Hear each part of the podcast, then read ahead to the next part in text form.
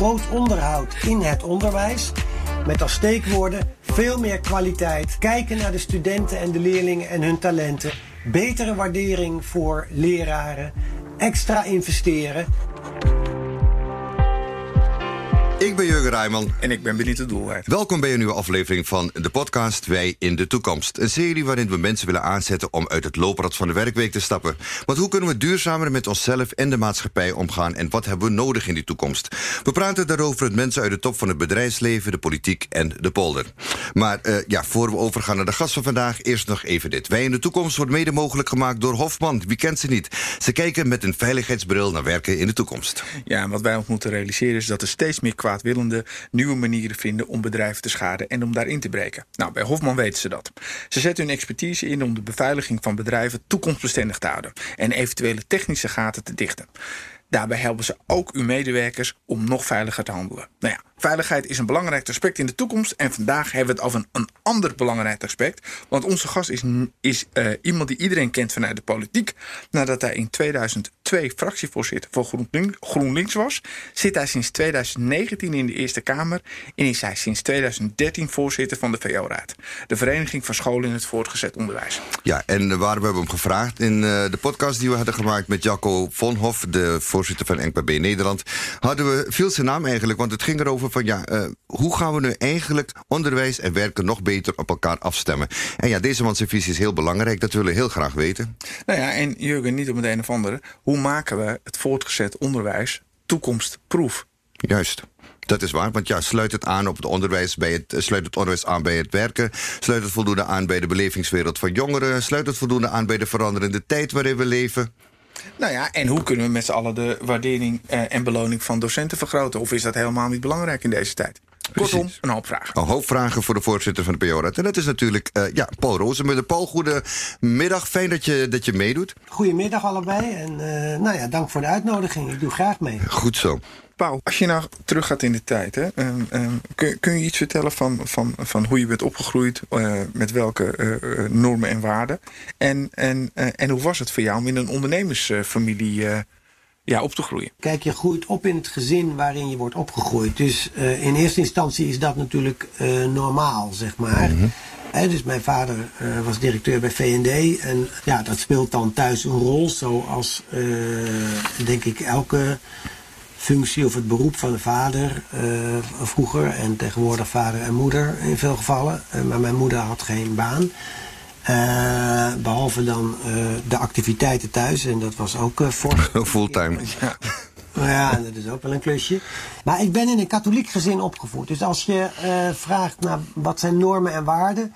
Dan kom ik eigenlijk toch daarover te spreken. Dus uh, wat voor ons uh, in het gezin altijd belangrijk was, uh, dat zijn dingen die gingen over uh, rechtvaardigheid, over naaste liefde, over elkaar helpen. Um,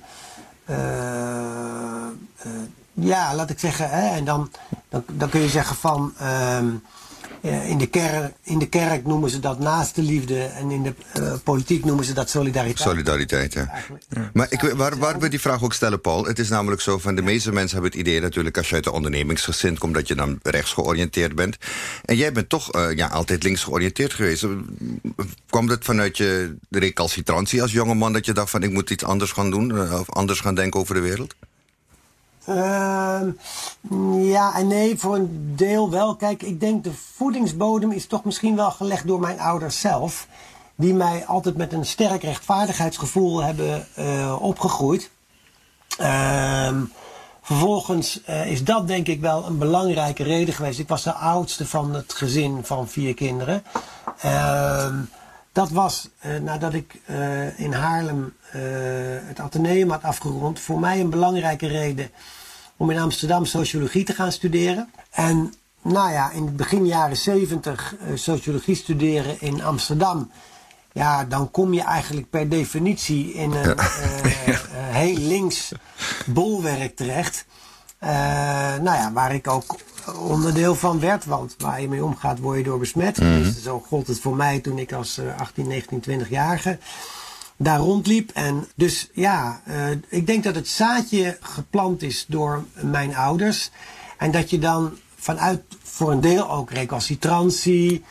Want je zet je natuurlijk toch een beetje af eh, Ja. tegen de situatie thuis. Tot een bepaalde hoogte en een bepaalde leeftijd. Dat doet nagenoeg iedereen, maar in ieder geval ik wel. En, eh, maar tegelijkertijd ben ik eh, met alle strapatsen die ik eh, heb uitgehaald. Toch eh, altijd eh, ook on speaking terms geweest met mijn ouders. En eerlijk gezegd kost dat geen enkele moeite. Nu is het zo dat je, dat je, dat je voorzitter bent eh, van de VO-raad. En ik, ik denk dat een hoop mensen zullen weten wat het is. Maar ik denk ook een hoop mensen niet. Kan je uitleggen wat de VO-raad doet? En wat zijn jullie belangrijkste thema's? Eh, nou ja, kijk, de VO-raad is de Vereniging van Scholen voor het Voortgezet Onderwijs. VO staat voor Voortgezet Onderwijs, oftewel de middelbare scholen.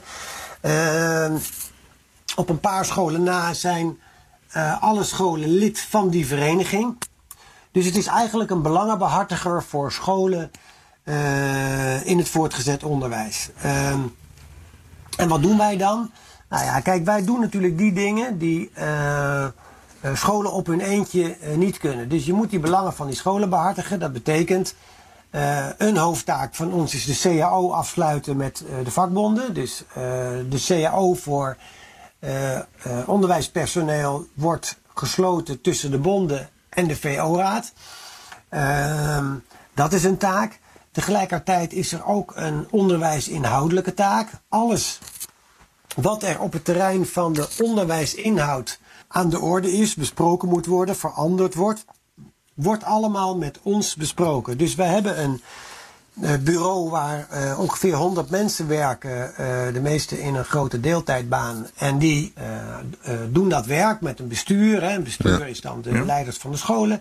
Eh, en wij gaan over de financiering van de scholen. We gaan eh, over het curriculum. Het curriculum is niks anders dan wat moeten leerlingen kennen en kunnen. En moet dat niet een keer veranderen? Nou, er is een hele discussie nu gaande over de verandering van het curriculum. Hoe kunnen we omgaan met passend onderwijs? Leerlingen die net een, hè, rugzakje nodig hebben om eh, de school af te kunnen maken op weg naar het vervolgonderwijs. Nou is het zo dat je natuurlijk als... eh, je bent voorzitter van de VO-raad, maar je hebt zelf ook een VO-periode gehad. Ehm, als je kijkt naar jouw tijd vergeleken met nu... ehm, hoeveel is er veranderd? Ja, veel en weinig. Ik heb natuurlijk eh, ook kinderen die de middelbare school gedaan hebben. Bij ons zijn de jongsten intussen de deur uit. Maar ik heb vijf kinderen en die hebben allemaal middelbare school gedaan. Eh, eh, verschillende onderdelen van de middelbare school. Dus, en ik, aan de ene kant zie je eigenlijk, als je het vergelijkt met de jongste, want dat is dan ten opzichte van mijzelf, zit daar dan de meeste tijd tussen. Aan de ene kant zie je dat er weinig veranderd is. Want ook hij ging, hij is nu 24, maar hij is dus, eh, wat is het, eh, vijf jaar geleden van school gegaan. Wat je ziet, dat is dat hij, eh, die zes jaar, hij heeft er zeven jaar over gedaan, elke dag met zo'n, ja, wij gingen dan met een pukkel naar school en eh, hij deed het met een e-spec, dat is dan het verschil. Maar er zat dezelfde hoeveelheid kilo's boeken in, schriften en een etui. Op school was er natuurlijk eigenlijk niet veel veranderd. De grootste verandering was dan denk ik dat het groene bord met krijtjes in mijn tijd dan toch wel echt in de meeste gevallen veranderd is in een digibord of een whiteboard of hoe je het dan ook zeggen wil. Dat is eigenlijk de grootste. Maar verder is er al die jaren is er niet veel veranderd. Dus qua inhoud van het onderwijs, qua aantal boeken. Nou qua... ja, en dat is, hè, dus, en, maar tegelijkertijd is er ook wel weer veel veranderd. Want als het gaat om ehm, de inhoud van datgene wat leerlingen moeten kennen en kunnen, zijn er natuurlijk toch wel veranderingen geweest. En natuurlijk is dat meer eh, bij het ene vak dan bij het andere. Ik denk dat wiskunde wat minder veranderd is dan vakken als eh, biologie. Ik heb niet of nauwelijks seksuele voorlichting gehad, bijvoorbeeld op school. En daar wordt tegenwoordig natuurlijk veel minder krampachtig over gedaan dan in het verleden. Dus eigenlijk meer de maatschappijgerichte vakken. Die zijn denk ik meer in ontwikkeling geweest dan de. eh, ja, en een taal is een taal. Hè. Ik bedoel, de Franse taal was natuurlijk toch 40 jaar geleden hetzelfde, in principe hetzelfde als, als nu. Ik heb wel me altijd verbaasd over het feit dat, dat gaat dan nu echt wel een keer veranderen. Ja, dat als je zes jaar Frans hebt gehad op de middelbare school, of als je op de HAVO zit vijf of op het VMBO vier, ehm, ja, dat je dan eh, zo, zo, zo weinig nog kunt spreken. Dus de aandacht voor het spreken van die taal was dan toch altijd wel beperkt in vergelijking tot grammatica en schrijven en luisteren. Op zich ook belangrijk, maar je zou zeggen.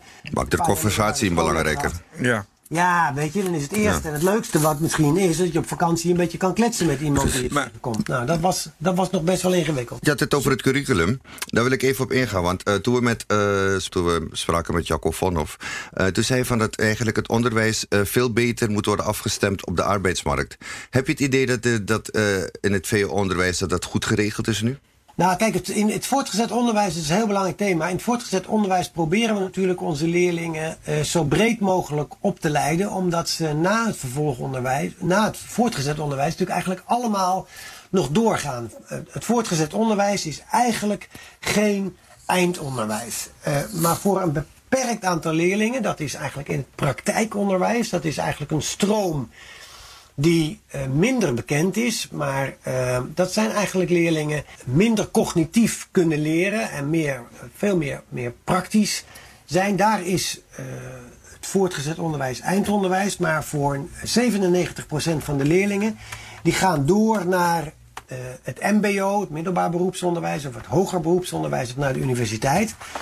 En daar worden ze natuurlijk echt voorbereid op de arbeidsmarkt. Dus ehm, die aansluiting is bijvoorbeeld ook een thema waar wij heel intensief met de andere verenigingen over praten. Om ervoor te zorgen dat die leerling zo soepel mogelijk door die onderwijskolom heen gaat. Van het basisonderwijs naar de middelbare school en dan bijvoorbeeld naar een ROC of naar de universiteit. En die overgangen zijn heel kwetsbaar.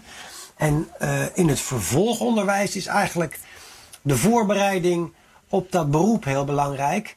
Ehm, wij moeten natuurlijk zorgen dat die leerlingen heel goed begeleid worden, naast alles wat ze moeten leren, op die vervolgstap. En dat ze zich ook ehm, zowel theoretisch als praktisch oriënteren op hun toekomst. Waar liggen hun talenten? Dat is natuurlijk heel belangrijk, want we praten zeer ten onrechte vaak over hoger en minder hoger of lager onderwijs.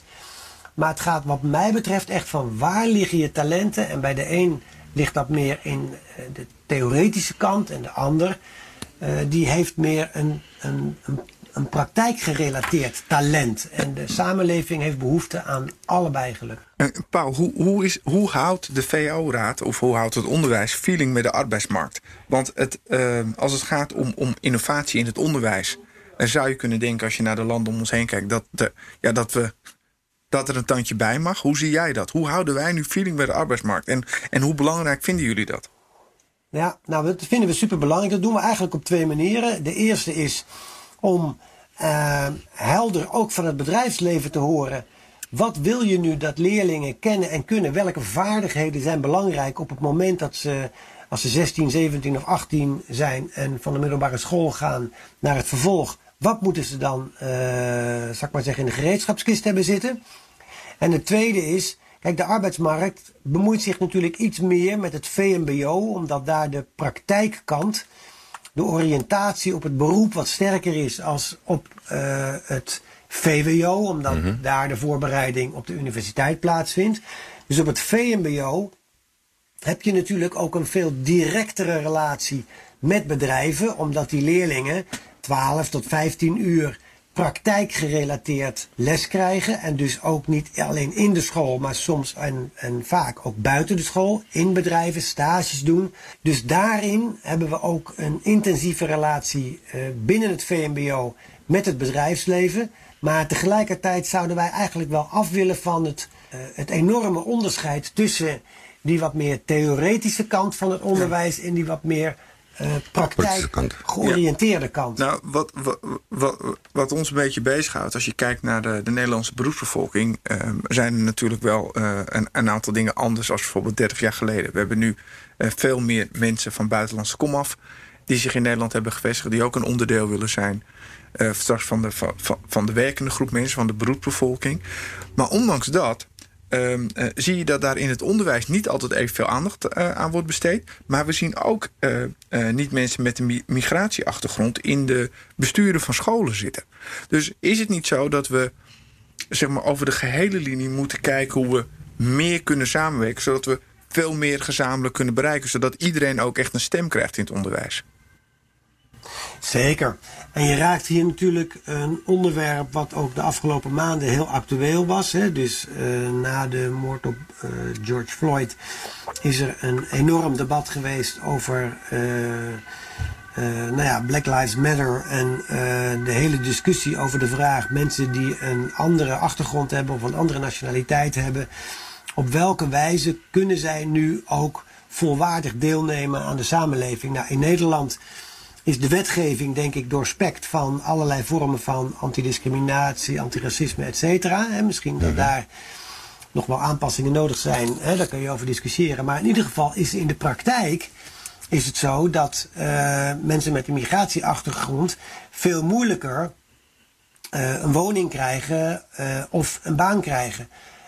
omdat als die achternaam, hè, als je met die ja. achternaam solliciteert, ja, dan heb je gewoon minder kans op die woning of die baan. En dat is natuurlijk iets wat een grote zorg is. Uh, we hebben ons natuurlijk in het onderwijs ook de vraag gesteld van uh, besteden we daar nou voldoende aandacht aan? Nou, uh, de vraag stellen is de vraag in dit geval beantwoorden. Dus ja. dat gesprek loopt ook. Je hebt helemaal gelijk als je zegt het maakt niet uit wat je achtergrond is. Het zou erom moeten gaan dat iedereen evenveel kansen heeft om volwaardig, al naar gelang zijn talenten een plek te krijgen in onze samenleving. En dat niet je achtergrond bepaalt of je een hogere kans hebt om werkloos te worden of niet, om maar wat. Ja.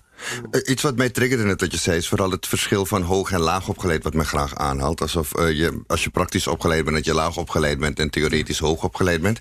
Hoe, hoe belangrijk blijven volgens jou uh, diploma's bijvoorbeeld nog in de toekomst? Is het nog al van deze tijd? Om mensen op een diploma te beoordelen? Ja, wat zegt het nog? Ja. Kijk, een diploma is, uh, is denk ik niet zo verkeerd. Een diploma is bij de afronding van een fase, en je zou de middelbare school een fase kunnen noemen in de onderwijsloopbaan van een, van een jongere, van een kind, van een op weg naar student. Het is niks meer of minder als dit is wat ik nu kan, hier is waar ik nu sta. Overigens in belangrijke mate alleen maar de cognitieve kant. En uh, we werken er natuurlijk aan, en dat gebeurt al op heel veel scholen. En heel veel leerlingen krijgen meer mee dan alleen een cijferlijst. Uh, maar krijgen ook mee uh, wat zij voor het overige geleerd hebben op school. En dat kan iets zijn in de praktische sfeer, dat kan in de sfeer van debatten zijn, dat kan in de sfeer van nou ja, alle andere dingen die je hebt geleerd buiten het curriculum om. en die je meeneemt in diezelfde gereedschapskist op weg naar het vervolg. Dus een diploma is niet verkeerd. Een diploma is ook niet zaligmakend. Het is natuurlijk wel zo dat als je het niet hebt, heb je vaak een probleem, zeg maar. En als je het wel hebt, heb je niet altijd de kans en de garantie op succes in het vervolg. Ja, maar je hebt ook werkgevers. Je hebt ook werkgevers die zien dat een diploma helemaal geen garantie voor kennis heeft. Ook vaak uh, als je mensen in dienst neemt. Daarom.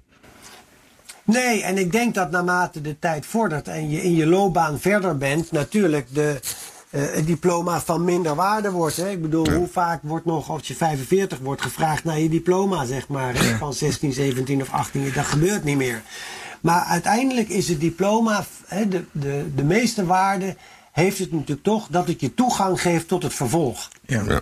Nou, en dat is wel een interessante. Want um, als je nu kijkt, hè, we, was uh, helaas ook weer in het nieuws. Uh, jongeren die in steden uh, ja, hun eigen wijk gaan vernielen.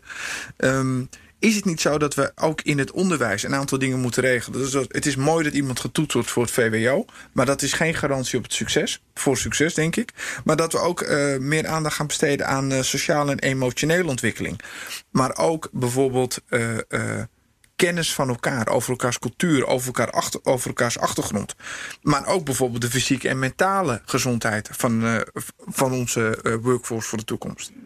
Hoe, hoe, zie je dat? Ja, nou, da, um, daar ben ik het volstrekt mee eens. Hè. Dus uh, kijk, nog even terugkomend op het punt van Jurgen, wat ik eerder, wat we heel kort even aanstipten. Kijk, mij doet het pijn als we spreken in termen van hoger onderwijs is dan de cognitieve, de theoretische Juist. kant. En de, het lager onderwijs is de meer. Dat is, dat is pijnlijk.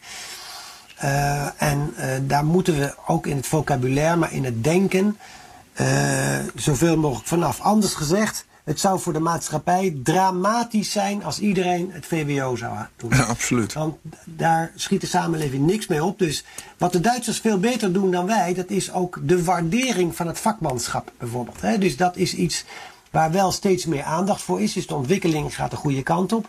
Nou, dan jouw vraag ook over naar de sociaal-emotionele uh, kant van het onderwijs. Ja, we hebben nou juist de laatste jaren gezien dat daar minder aandacht voor is. En dat de hele operatie waar we nu in zitten op weg naar uh, zeg maar een herziening van dat curriculum. Hè, van wat moeten kinderen nu kennen en kunnen. Dat er meer aandacht is, dat die balans tussen wat je in cognitieve zin, als het gaat om theoretische kennis, moet, uh, moet weten, blijft ongelooflijk belangrijk. Maar ook is belangrijk sociale vaardigheden. Hoe, zeker ook als het gaat om de arbeidsmarkt. Hoe ga je met elkaar om? Hoe spreek je iemand aan? Hoe werk je samen? Hoe ga je om met een klant? Hoe ga je om met een collega? Hoe ga je om met een team? Dat gaat om sociale vaardigheden en ook de ontwikkeling van jou als persoon. dus hoe ontwikkel jij je tot een uh, kritisch burger in een democratische rechtsstaat? Dat zijn allemaal mooie woorden en grote termen. Maar ze zijn, als je het helemaal vertaalt op microniveau naar een uh, leerling van 16, 17, 18 jaar, super belangrijk. En als je daar onvoldoende aandacht aan besteedt, dan kan het zijn dat dat in ieder geval mede een oorzaak is voor uh, gedrag wat je vandaag de dag in eh, steden ziet. En wat natuurlijk gewoon ongelooflijk irritant is en niet te tolereren. Nou, maar, laten we eerlijk zijn, Paul. Als, als je, kijkt, als je daarnaar kijkt, hè, uh, het is vervelend. Het is ook vervelend dat je vaak ziet dat, dat het uit bepaalde groepen voortkomt. Hè. Daar, moeten we wat mee. Um, um, maar wat, je, maar wat je ook zou kunnen stellen is dat we de, de docenten die, die deze jongeren uh, moeten helpen aan hun toekomst te bouwen, dat we daar ook wel wat meer in mogen investeren, zodat ze beter beslagen ten ijs komen uh, uh, en, en zichzelf kunnen bedienen van misschien de nieuwste innovaties op het gebied van ontwikkeling en onderwijs. Hoe, hoe zie je dat? Zeker. Zeker. Nou, daar heeft zich natuurlijk de afgelopen maanden wel een, een mooi voorbeeld voor gedaan. Kijk, toen de scholen dichtgingen in maart, uh, toen uh, zijn alle leraren als de wiede weerga vanuit hun passie voor het vak en ook de leerlingen, uh, zijn als de wiede weerga overgegaan naar onderwijs op afstand. Niemand had dat die, in die omvang ooit gedaan. We kennen ook geen situatie in de geschiedenis dat alle scholen voor maanden dicht waren. En dan zie je dat uh, daar waar nog wel eens gezegd wordt, nou het verandervermogen van die, uh, van die scholen is heel beperkt en, en uh, hè, daar, daar, daar valt veel over te zeggen. In die periode is er in ieder geval heel veel veranderd en is er heel veel energie vrijgekomen vanuit onder andere leraren en schoolleiders om dat zo aan te pakken. En daarmee is nog eens gezegd hoe belangrijk dat onderwijs is. En goed onderwijs kan alleen maar met gemotiveerde, goed opgeleide en toegewijde uh, uh, leraren en leraressen. Maar betekent dat dat leraren en leraressen ook, terwijl ze docent zijn, onderweg ook nog getoetst moeten worden? Dat zou ik me iets bij kunnen voorstellen. Wat ze moeten, dat is dat je natuurlijk op het moment dat je bevoegd docent bent, dat je niet denkt van ik ben nu uitgeleerd. Ja. dus we leven in een tijd waarin ook de ontwikkelingen op de arbeidsmarkt van die aard zijn ja, dat een kwalificatie die je nu in 2020 uh, eh, hebt, dat die niet voldoende is in 2030 en 2040. En we gaan allemaal meer dan 40 jaar mee op de arbeidsmarkt als het ons gegeven is. Dat geldt ook voor leraren. Hè? Dus er is van oudsher in het onderwijs nog wel eens een beetje een cultuur van, nou ja, uh, ik heb nu mijn bevoegdheid en nu ga ik dus doseren. Maar het, het, we leven in een tijd van een, een, een leven lang ontwikkelen. Ook leraren moeten voortdurend uh, bijleren. Dus dat is natuurlijk wat uh, gebeurt. En wij moeten natuurlijk ook als samenleving de leraren veel meer de maatschappelijke waardering geven die ze verdienen. En we kijken er te veel op neer als je twee masters hebt en je werkt in het onderwijs, dan ben je op een verjaardagspartijtje toch meestal niet de meest populaire nee. maar Paul, persoon, om het maar even zo te zeggen. Maar, maar welke concrete stappen zetten jullie van de VO-raad of jullie leden om, om, om dit ook daadwerkelijk voor elkaar te krijgen? Dat het leven lang leren ook doordringt tot, tot de onderwijzers? Nou, wat wij doen, dat is dat we jaren geleden al gezegd hebben: leraren geven te veel les. Uh, hebben te weinig tijd voor voorbereiding. En wij vinden dat uh, er minder les gegeven moet worden door een leraar met een fulltime dienstverband, of, of, of ook als die parttime werkt. En dat er veel meer tijd zou moeten zijn om de lessen beter te maken. En dat je daarmee dus tijd vrij maakt, ook voor de ontwikkeling van leraren en de ontwikkeling van lessen die beter zijn. Je zou kunnen zeggen minder lessen zouden wel eens betere lessen kunnen zijn. En dat draagt ook bij aan minder werkdruk voor leraren. Dat is een agenda die wij hebben, die bespreken we met de bonden. Uh, die voeren we voor een deel ook uit. Maar wat we natuurlijk daarbij echt ook wel nodig hebben, dat is natuurlijk en geld om dat de overheid uiteindelijk via de belastingen alles betaalt als het gaat om het uh, basis- en voortgezet onderwijs. Uh, dus die investering die moet wel vanuit Den Haag komen. Ja, maar er is nu al best wel een lange tijd eh, best wel veel aandacht en commentaar. Ehm, en er is ook onderzoek gedaan dat het onderwijs niet voldoende aansluit op de arbeidsmarkt. Maar het lijkt zo'n langslepend, eeuwigdurig dossier te zijn. Lukte de VO-raad om hier een doorbraak in te forceren? Want die hebben we wel nodig, zeker nu ingegeven door corona.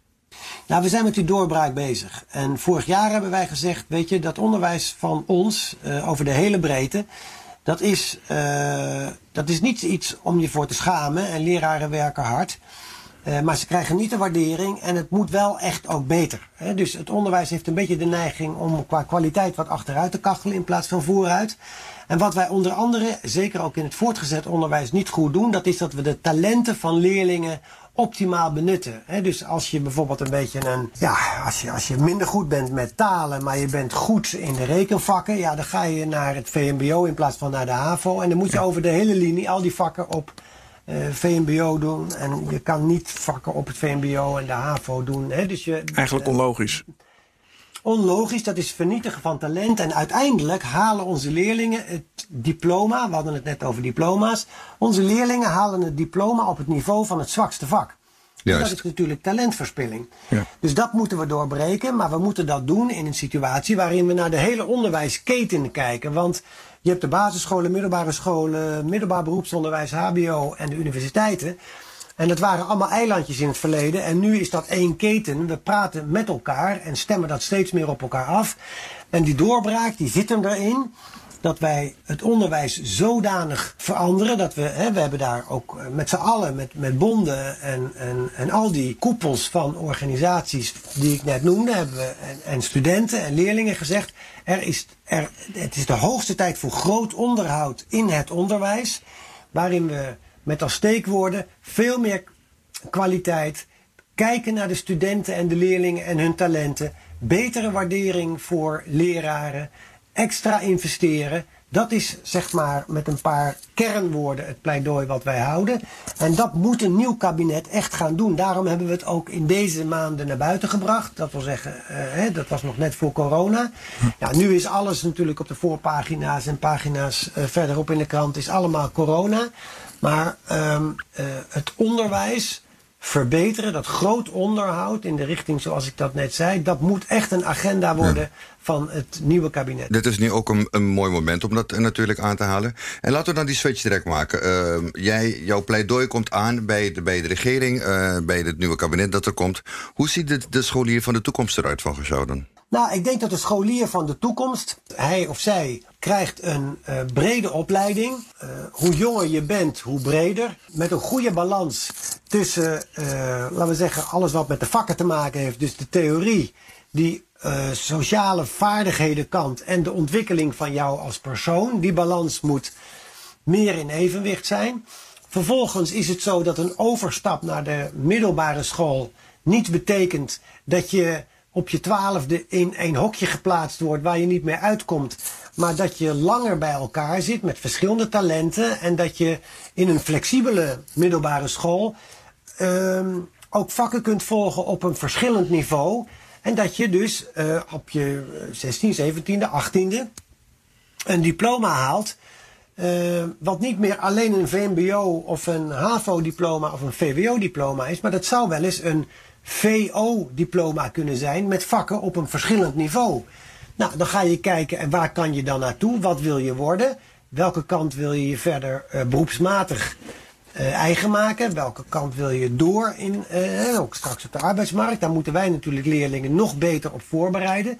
Nou, die opleiding kan je nou doen. En of dat nou een studie Frans is op de universiteit, of dat dat een kappersopleiding is op het ROC, dat maakt niet uit. Maar daar um, begeleiden we je dan naartoe, naar die opleiding. En dat moet ook weer een naadloze overstap zijn.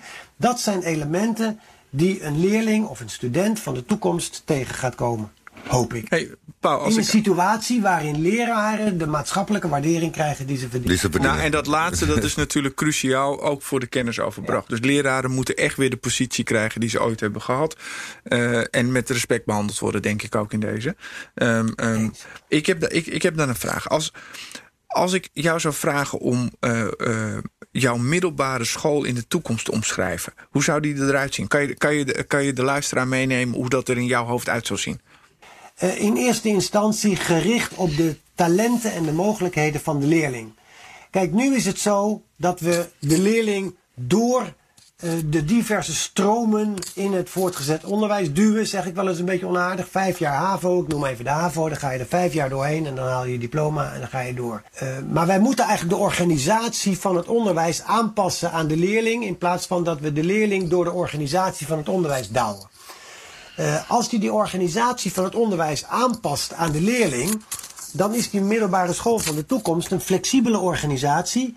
En dan kom ik even kort terug op wat ik net zei, waarin leerlingen in een ambitieuze leercultuur eh, vakken doen op het niveau wat ze aankunnen, daar ook toe gestimuleerd worden en uitgedaagd worden waarin er geen Chinese muur staat tussen theoretische opleidingen en praktische opleidingen, maar dat ook de huidige gymnasiast kan leren lassen eh, of eh, eh, vergelijkbare combinaties. Dus dat is allemaal mogelijk. Dus veel minder onderscheid tussen theorie en praktijk.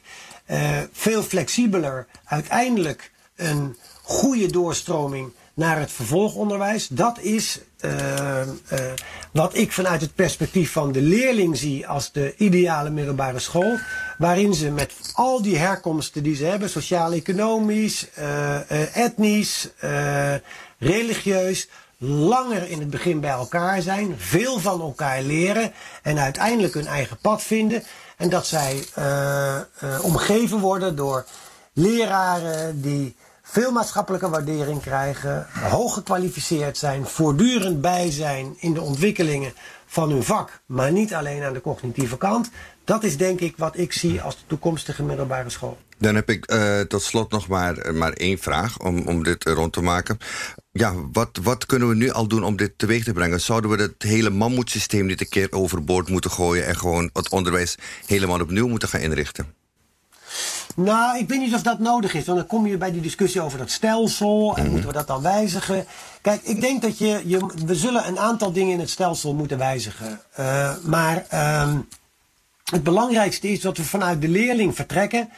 En de leraar zijn positie eh, versterken. En als je vanuit die leerling vertrekt en je zegt van nou ja, hoe kunnen we vanuit de positie van die leerling het onderwijs verbeteren, dan kom je wel degelijk op onderdelen van het stelsel terecht. En die zul je dan. Hè, je, moet, je moet de discussie over een, een iets ander stelsel ook niet taboe verklaren. Want dat is wat op dit moment af en toe gebeurt. Hè. Ja, dan kom je aan het stelsel, mogen we niet over praten. Nou, flauwekul. Ik bedoel, als we het voor leerlingen beter maken, dan moeten we in het stelsel iets veranderen.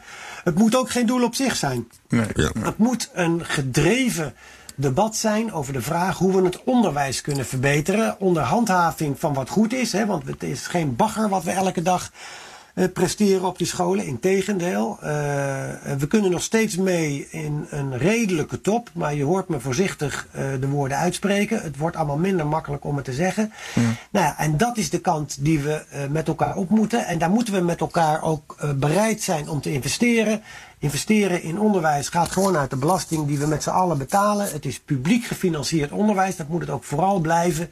We moeten als samenleving investeren. We weten dat onderwijs de kurk is waar de samenleving op drijft. Het is ongelooflijk belangrijk voor het bedrijfsleven en daarmee voor onze economie. Maar het is ook belangrijk voor je eigen sociale en persoonlijke ontwikkeling. Dus, en we moeten ons realiseren, ik zeg wel eens, een operatie in de zorg kan altijd nog over als het misgaat. En dat wil je natuurlijk niet. Maar een onderwijsloopbaan kan nooit over. Je doet nooit twee keer de middelbare school of de basisschool. En dat fundament, dat moet gewoon echt super op orde zijn. Paul, dankjewel. Dankjewel voor deze toelichting. Eh, fijn dat je even met ons wilde zitten.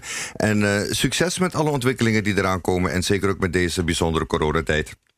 Ik hoop dat jullie een veilige omgeving kunnen creëren voor alle scholen. Ja, en, en, en, en, Ja, dat- en, en dat we als we weer eh, met elkaar een gesprek hebben, dat we kunnen zeggen dat Nederland in de top 3 staat van de meest innovatieve opleiders eh, in Nederland. Dat zou wel fantastisch zijn.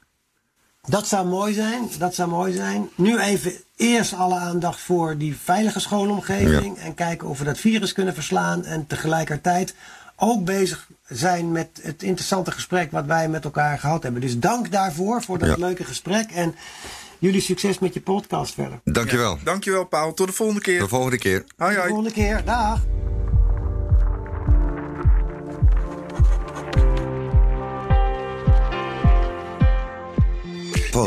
Paul Roes, voorzitter van de VO-raad. Ja, Jurgen, wat kunnen we erover zeggen? Nou, wat hij in ieder geval heeft gezegd is dat, ehm, dat een aantal docenten die naar de podcast luisteren blij kunnen zijn. Er moet inderdaad meer waardering komen voor docenten. En die beloning kan ook, iets, eh, kan ook omhoog.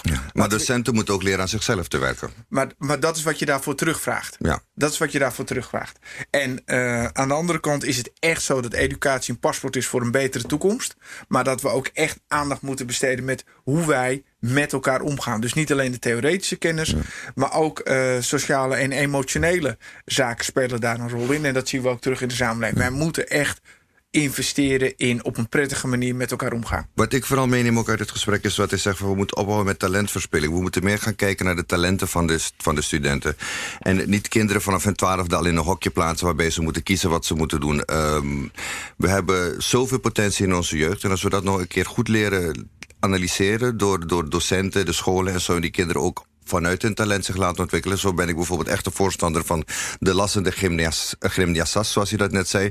Uh, als we dat doen, denk ik dat we dan uh, ja, in elk geval onderwijs-VO krijgen... of een VO krijgen die beter bestemd is op de toekomst. Ja, maar laten we er eerlijk over zijn. Ik zie nu, mijn jongste dochter die gaat straks naar de middelbare school. En dan, nou, het is of HAVO of het gymnasium. maar je hoopt ergens toch hoe hoger, hoe beter. Dat is geprogrammeerd. Maar die hele denkwijze is fout. Ja. Dus als we heel eerlijk zijn. Uh, maar dan kom je achter. Mijn vader heeft ooit een keer tegen mij gezegd. Uh, mensen die met hun handen werken ga je waarderen als je op een zondagavond een, uh, een, een loodgieter nodig hebt die niet wil komen.